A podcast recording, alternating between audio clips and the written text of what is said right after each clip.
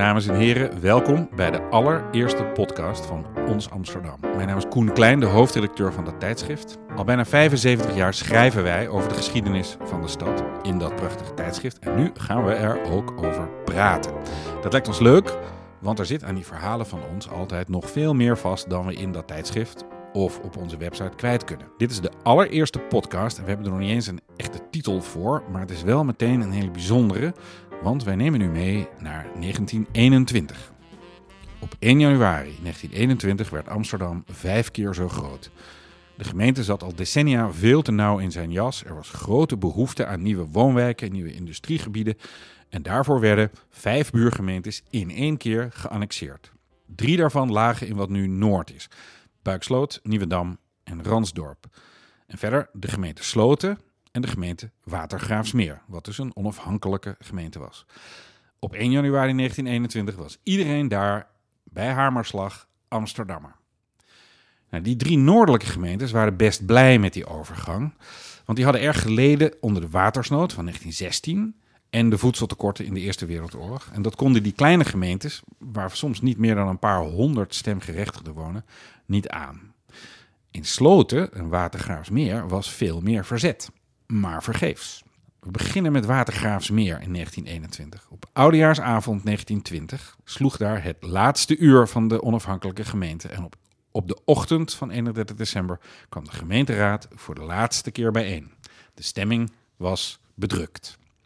Er werd wel gezegd dat de meerderheid van de arbeiders en de moderne denkenden in de gemeente met de annexatie instemde.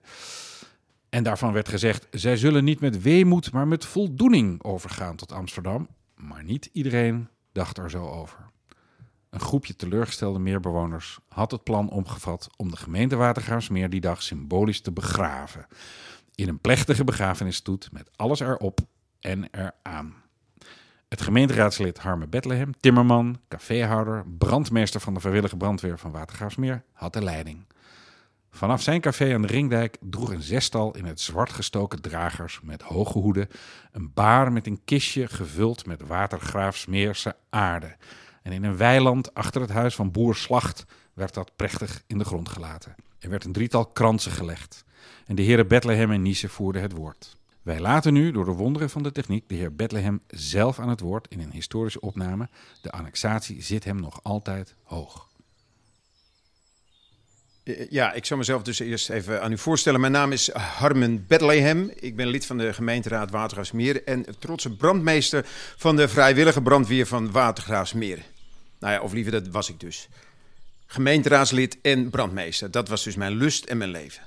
Tot voor kort dan, want Amsterdam, de grote buurman, die heeft mijn geliefde Watergraafsmeer geannexeerd. Waarmee wij, geharde, trotse vrijwilligers van de Watergraafsmeerse vrijwillige brandweer natuurlijk niet meer nodig zijn. U wordt bedankt en u kunt gaan. En als ze ons nog eens nodig hebben, hoeft het, hoeft het voor mij niet meer. Laat ze het maar lekker zelf uitzoeken.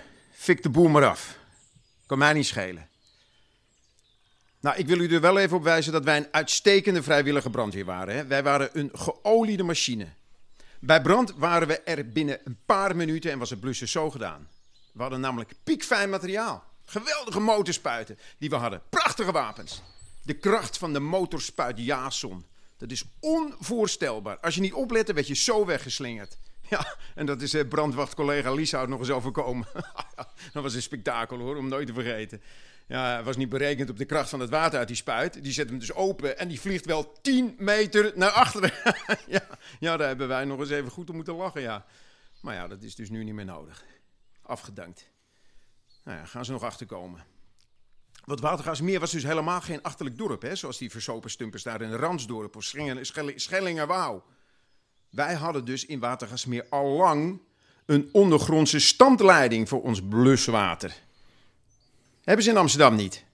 Mooie kranen ook nog, om het mooie stadsgezicht van de meer niet te bederven. En ik ga mezelf hier niet veel op mijn schouder kloppen, maar ik mag toch eerlijk toegeven dat ik daar enige invloed op heb gehad. Nou en, hè, zult u denken, mooi, die ondergrondse leiding en die kranen. Daar kan de Amsterdamse brandweer dan toch mooi gebruik van maken, zeker? Geen probleem toch? Nou, wel een probleem. Want het past dus niet. Hun slangen, onze kranen, is een andere sluitmaat. Past niet. Hadden ze even kunnen vragen. Hadden ze even over na kunnen denken. Hebben ze erover nagedacht? Nee dus. Nou, niet meer mijn probleem. Maak ik me niet meer druk over. Zoeken ze maar lekker zelf uit. Hoeven ze mij niet meer te bellen.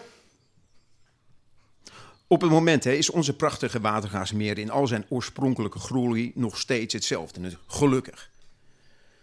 Maar wie weet hoe lang dat nog zal duren voordat, voordat Amsterdam het verpest. Want wij hadden namelijk grootse plannen met de watergasmeer. Zou je altijd zien. Op het moment dat wij willen uitbreiden en gaan rivaliseren met Amsterdam, nemen zij ons over.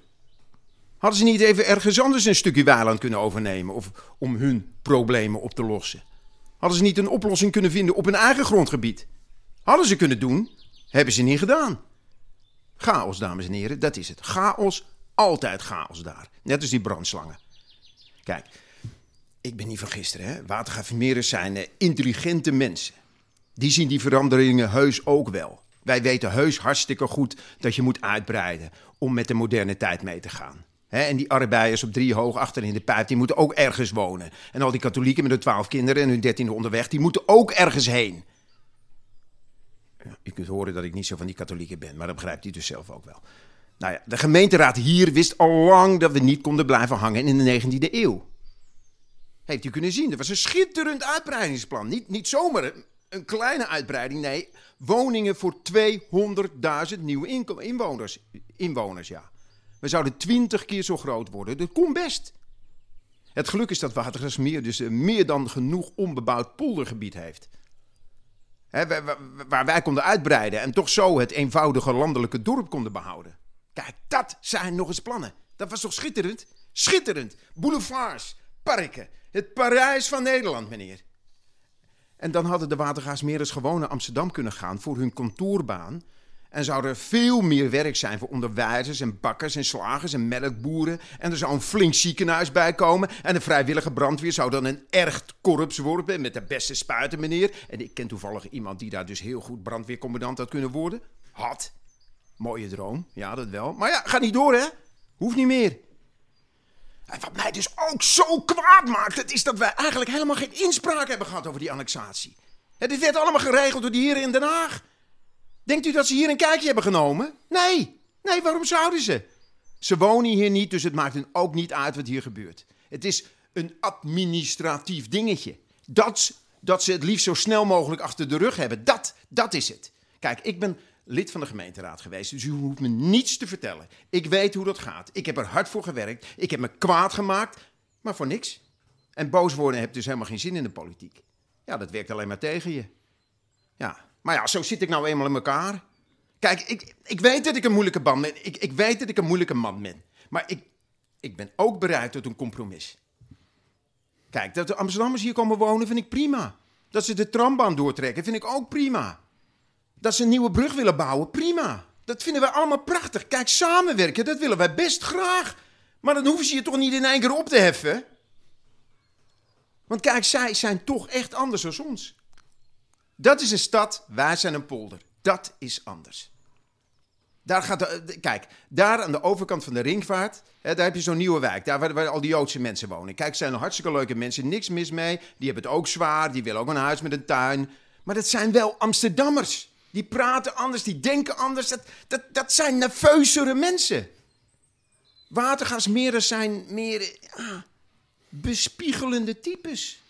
Wij hebben een landelijke omgeving. Je hebt de vergezichten, lange rechte sloten, mooie buitenhuizen, tuinderijen. Ja, dat is toch een heel anders levensgevoel. Weet je wat een heel ander mens van je maakt? Ik heb me kwaad gemaakt, maar uiteindelijk, ja, dan moet je er maar neerleggen dat, dat, dat die annexatie doorgaat. Weet je, er zit nou niks anders op. Ik kan met trots zeggen dat we strijdend, echt waar, strijdend ten onder zijn gegaan. En ik het nog een beetje ons gelijk gehaald heb dan. Op oude jaar. Ja, toen hebben we de zaak begraven. Letterlijk. Ja, dat was een prachtige manifestatie. Op 31 december, direct na de laatste gemeenteraadsverkiezing, hebben wij dus de gemeente Watergraafsmeer begraven. En dat was ons allerlaatste protest. Ja, we verzamelden hier bij mijn café, hier een eindje verderop, daar aan de dijk. En ja, burgemeester De Wit heeft het ons nog afgeraden, want die zei, nou, het zou niet waardig zijn. Ja, jammer genoeg kwamen er ook maar 15 bewoners op dagen. Ja, nou ja, niet alleen maar vrienden van mij hoor, maar dat was natuurlijk eh, te danken aan het wier. het regende pijpen stelen en het was oude jaar natuurlijk. En mensen willen liever binnen zitten, oliebollen eten, dat weet ik. Maar ja, dat gaf niet, zeg ik. Weet je, dat gaf niet, want, want die begrafenis ging eigenlijk meer om het, uh, ja, om het symboliek. En niet om de grote mensenmassa. Want ondanks dat ze er niet waren, leefden alle mensen met ons mee. De rouwstoet begon. Nou, oké. De rouwstoet bestond uit zes dragers en vier fakkeldragers. Ik had nog een paar oude fakkels liggen in de brandspuitenhuis, die had ik maar even meegenomen. Nou, we waren allemaal compleet in het zwart gekleed en we hadden van die hoge hoeden op, hè? Echt mooi. De dragers droegen een baar met een kistje erop waar zuivere watergraafmeerse aarde in zat. En toen zijn we met het kistje de hele gemeente doorgelopen. En het regende dus en het was donker en het was allemaal heel, heel erg somber. Met die fakkels. Achter bij boer David Slacht in het weiland hebben wij het kistje begraven. Met een steen. En daar stond op, in dankbare herinnering aan ons geliefd Watergraafsmeer. Nou, word ik de volgende morgen wakker. Woon ik dus officieel in Amsterdam. Komt er een nieuwe commissaris van de politie langs. Niks gelukkig nieuwjaar of zo. Nee, of ik de sleutels van het brandspuithuis kon inleveren. Want ze waren niet zo blij dat ik die oude fakkels had gepakt. Nou, vraag ik je toch. Dus ja, ja, dat is toch een klap hoor. Weet je. Maar niet zo'n harde klap. Nee, want wij watergraafsmeerders, wij zijn namelijk nogal, nogal bespiegelend van aard. Dank u. Tot zover Harmon Bethlehem uit 1921. Het evenement dat hij beschreef kreeg nog een staartje. Bethlehem was brandmeester van de vrijwillige brandweer van Watergaasmeer. En hij had de vier fakkels die de stoet verlichten uit het brandspuithuis van de gemeente gehaald. Daarmee was hij zijn boekje te buiten gegaan. De politie meldde zich inderdaad daags na de optocht bij Bethlehem om de sleutels in beslag te nemen. Naar ons verzekerd werd, zijn de autoriteiten over het optreden van deze vrijmoedige brandmeester niet best te spreken, schreef de Telegraaf. Bethlehem nam na de annexatie met de neutrale partij Oud-Watergraafsmeer deel aan de gemeenteraadsverkiezingen van april 1921. Hij kreeg 132 stemmen, waarvan 77 op hemzelf uitgebracht. Tot zover 1921. Tot zover onze allereerste Ons Amsterdam podcast. Wij hopen natuurlijk zeer dat u er plezier aan beleeft, want dan beginnen we meteen aan onze tweede, die ook gaat over die annexaties van 1921, maar nu over Sloten. Daar werd de gemeente verraden door hun eigen wethouder. De annexaties van 1921 zijn ook het hoofdonderwerp van Open Monumentendag op 11 en 12 september dit jaar. Alle informatie, fietsroutes, artikelen en nog veel meer vindt u op de website Buitenbuurten van Ons Amsterdam en Open Monumentendag. En natuurlijk op de website van Ons Amsterdam zelf. De monoloog van Harmon Bethlehem werd geschreven door Daan van Lieshout en Koen Klein en uitgesproken door Harper Michielsen. Wij wensen u nog een historische dag toe.